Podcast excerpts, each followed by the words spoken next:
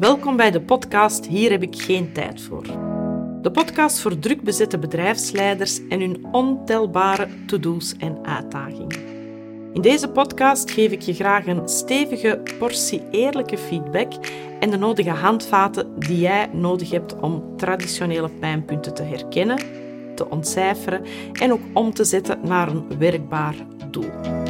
Ik ben Chantal Smets, ik ben Master Certified Coach voor bedrijfsleiders met specialisatie in KMO's. En op deze podcast creëren we tijd voor de dingen waar jij nu net geen tijd voor hebt. Veel luisterplezier! Welkom. Ondertussen zitten we al aan de negende aflevering van de podcast Hier heb ik geen tijd voor. En vandaag wil ik het heel graag met u hebben over de communicatie met uzelf. Want daar begint nu eens elk gesprek mee.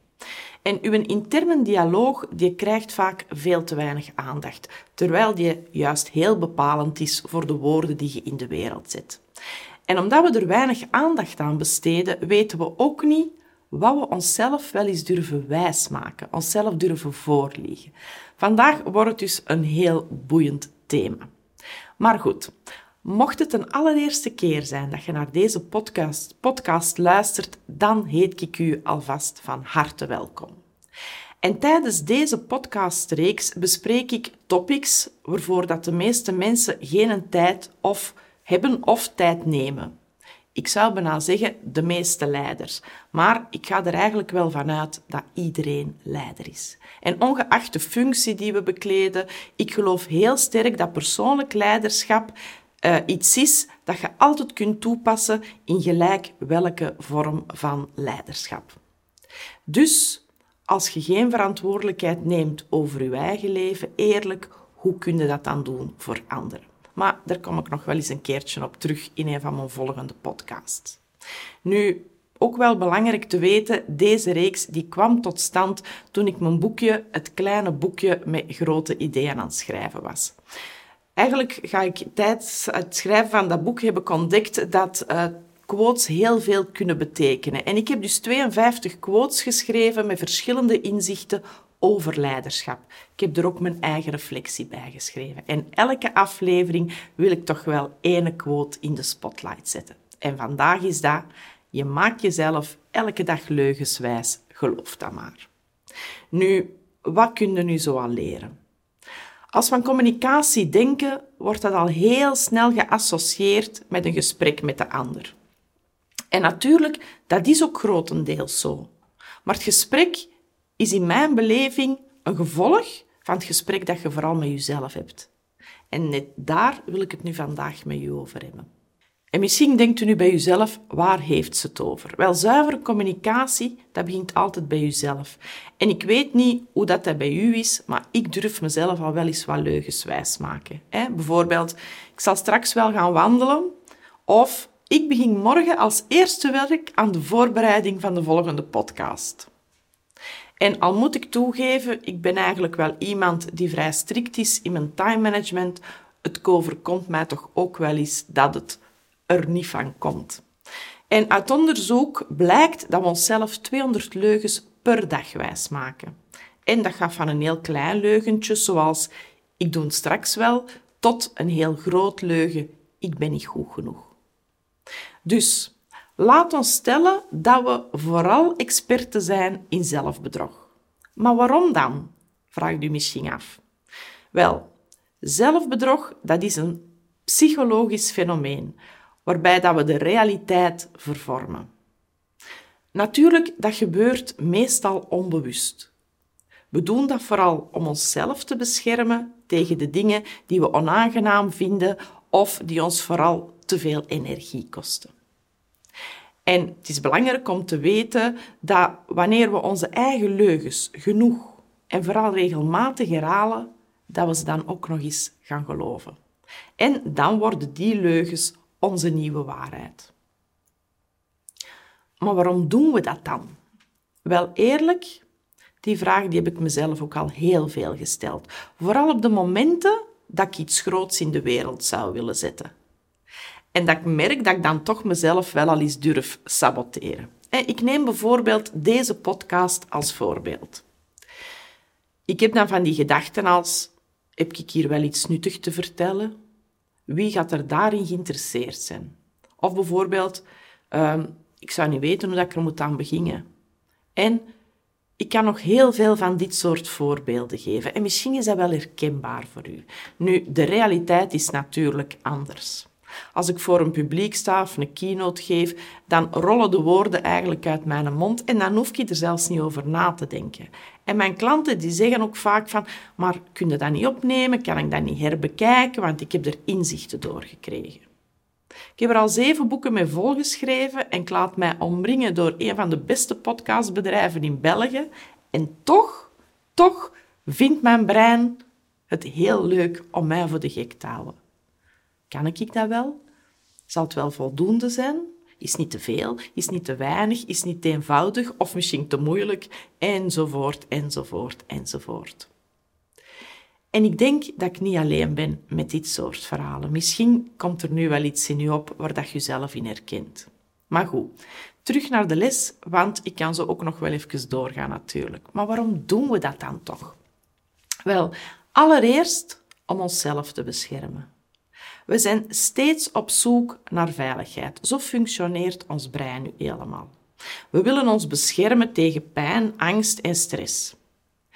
En dit kunnen we realiseren door onze eigen realiteit te vervormen. Vaak houden beperkende gedachten ons in onze eigen comfortzone en het woord zegt het zelf, daar is het absoluut heel comfortabel. En we zijn van nature lui. Dus waarom zouden wij het ons moeilijk maken?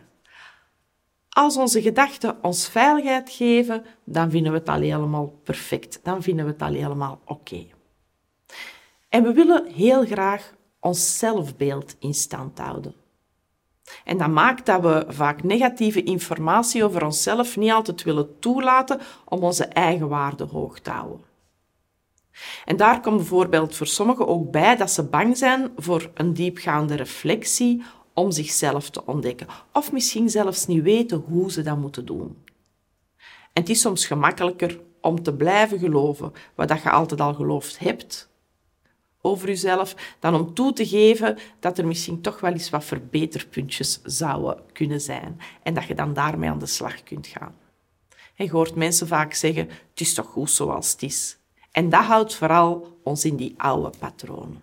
Ook onze eigen omgeving is belangrijk. Terwijl er nog heel veel onontgonnen potentieel is dat we dan onbenut laten, zijn we toch bang om een nieuwe uitdaging aan te gaan, omdat we vooral bang zijn om te falen. En vaak is de angst veel groter dan de goesting. En ook niet onbelangrijk, we zijn gevoelig voor sociale goedkeuring. We zijn tenslotte sociale wezens en we willen er zo graag bij horen. En dat maakt dat we onze overtuiging vaak aanpassen aan de omgeving.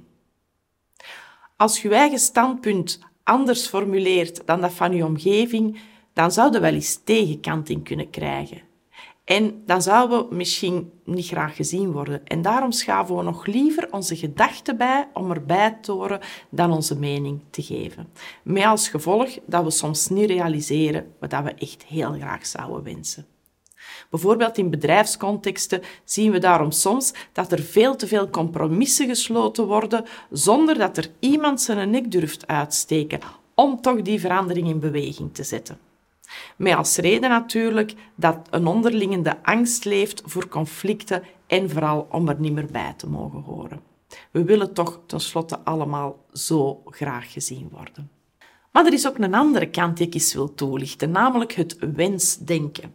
Dat wil zeggen, in plaats van u klein te houden, is er een te rooskleurig optimisme aanwezig. En misschien ken jij wel zo iemand. Ik ben er in, ik ben er in mijn carrière al heel veel tegengekomen. De dromers. De mensen die elke keer als ik ze zag, de grootste plannen hadden. Zowel zakelijk als privé. Ze konden het ook zo uitleggen dat ik aan hun lippen hing. En altijd met een gevoel naar huis schreef van, wauw, hoe knap is dat, als je dat durft. Of amai, die hebben het echt goed voor elkaar. En eerlijk, ook wel een klein beetje overgoten met wat gezonde jaloezie. Dat was niet dat ik het hen niet gunde, maar vooral was ik dan op dat moment kwaad op mezelf, omdat ik zelf het lef niet had. Maar na een tijd merkte ik dan wel dat de plannen die ze mij altijd voorschotelden, dat die niet gerealiseerd werden. En als ze dan met een nieuw plan kwamen en het oude was nog niet gerealiseerd, dan begon ik me natuurlijk wel wat vragen te stellen. En keer op keer gebeurde dat. En natuurlijk, op een gegeven moment begin je daar dan ook wel door te zien. En dat zijn voor mij dan de dromers. Niet eenvoudig om mee samen te werken en zelfs ook niet altijd heel eenvoudig om een langdurige vriendschap te onderhouden, want waar zit dan nog die realiteit? En ik ben de allereerste om dromen te supporteren. Als je een droom kunt realiseren, ik ben uw grootste supporter. Versta mij niet verkeerd. Maar deze mensen die hebben dan een, een bepaalde selectieve aandacht, zal ik het noemen. Een aandacht dat gaat vooral over de informatie die ze zelf geloven om in hun droom te dienen. Maar ze blijven dan ook altijd weg van de informatie die dan voor tegenspraak zorgt. En daarnaast geven ze ook nog eens de voorkeur aan optimisme in plaats van een realisme. Hoewel dat je nu net dat realisme nodig hebt om dingen heel duidelijk in de wereld te zetten. Ze bagatelliseren bijvoorbeeld de risico's en ze klampen zich dan ook vast aan een soort irrationele hoop dat ze dan creëren. Dat ze trouwens zelf in hun hoofd creëren. Positieve zelfmisleiding is toch wel aan te raden in een beperkte mate. Want wetenschappers hebben trouwens ontdekt dat het optimum ligt ongeveer rond zo'n 20 procent. Te weinig positieve zelfmisleiding zal eerder tot een depressieve gevoelens leiden, uh, zal ook veel zuchten veroorzaken. En je kunt jezelf beter dus een beetje positief misleiden uh, om jezelf niet te belemmeren in de doelen die je wilt realiseren. Nu, ik kan uren over die topic praten en waarschijnlijk herkende wel wat en denkt bij jezelf, oké, allemaal goed, interessant, maar hoe los ik dit nu op? Wel, om te starten neem ik u graag mee naar een verhaal. Een mooie metafoor die al heel veel in mijn leven betekend heeft en ik wil daarmee mijn punt duidelijk maken. Dus zet u maar comfortabel voor dit verhaal. Op een warme zondagmiddag in een heel klein dorpje ergens ten noorden van Texas zit een oude man in een schommelstoel. En hij kijkt uit over de prachtige landschappen en hij glimlacht als hem zijn kleinzoon ziet spelen op de trappen van die veranda. De grootvader, die echt dol is op die kleine deugeniet, die wil hem vooral heel hard behoeden van de moeilijke dingen in het leven. En hij beseft dat hij voor een stukje mee verantwoordelijk is voor het geluk van die kleine deugeniet. Dus hij roept die kleine deugeniet naar zich toe en neemt hem op zijn schoot en hij wil een heel spannend verhaal vertellen. Nu, die kleine die is heel nieuwsgierig, want je weet dat verhalen vertellen, dat dat toch wel een specialiteit is van zijn grootvader. Maar de oude man die kijkt heel ernstig en die zegt, weet je jongen, soms is het alsof dat er twee wolven in mijn hoofd zitten. En de jongen die probeert zich dat natuurlijk voor te stellen en die wil weten hoe dat die wolven eruit zien. En aan het gezicht van zijn grootvader te zien, is dat niet zo eenvoudig om met twee wolven in uw hoofd te leven. En die jongen is nieuwsgierig en zegt, grootvader, en hoe zien die wolven er dan uit? Wel, jongen, zegt de grootvader.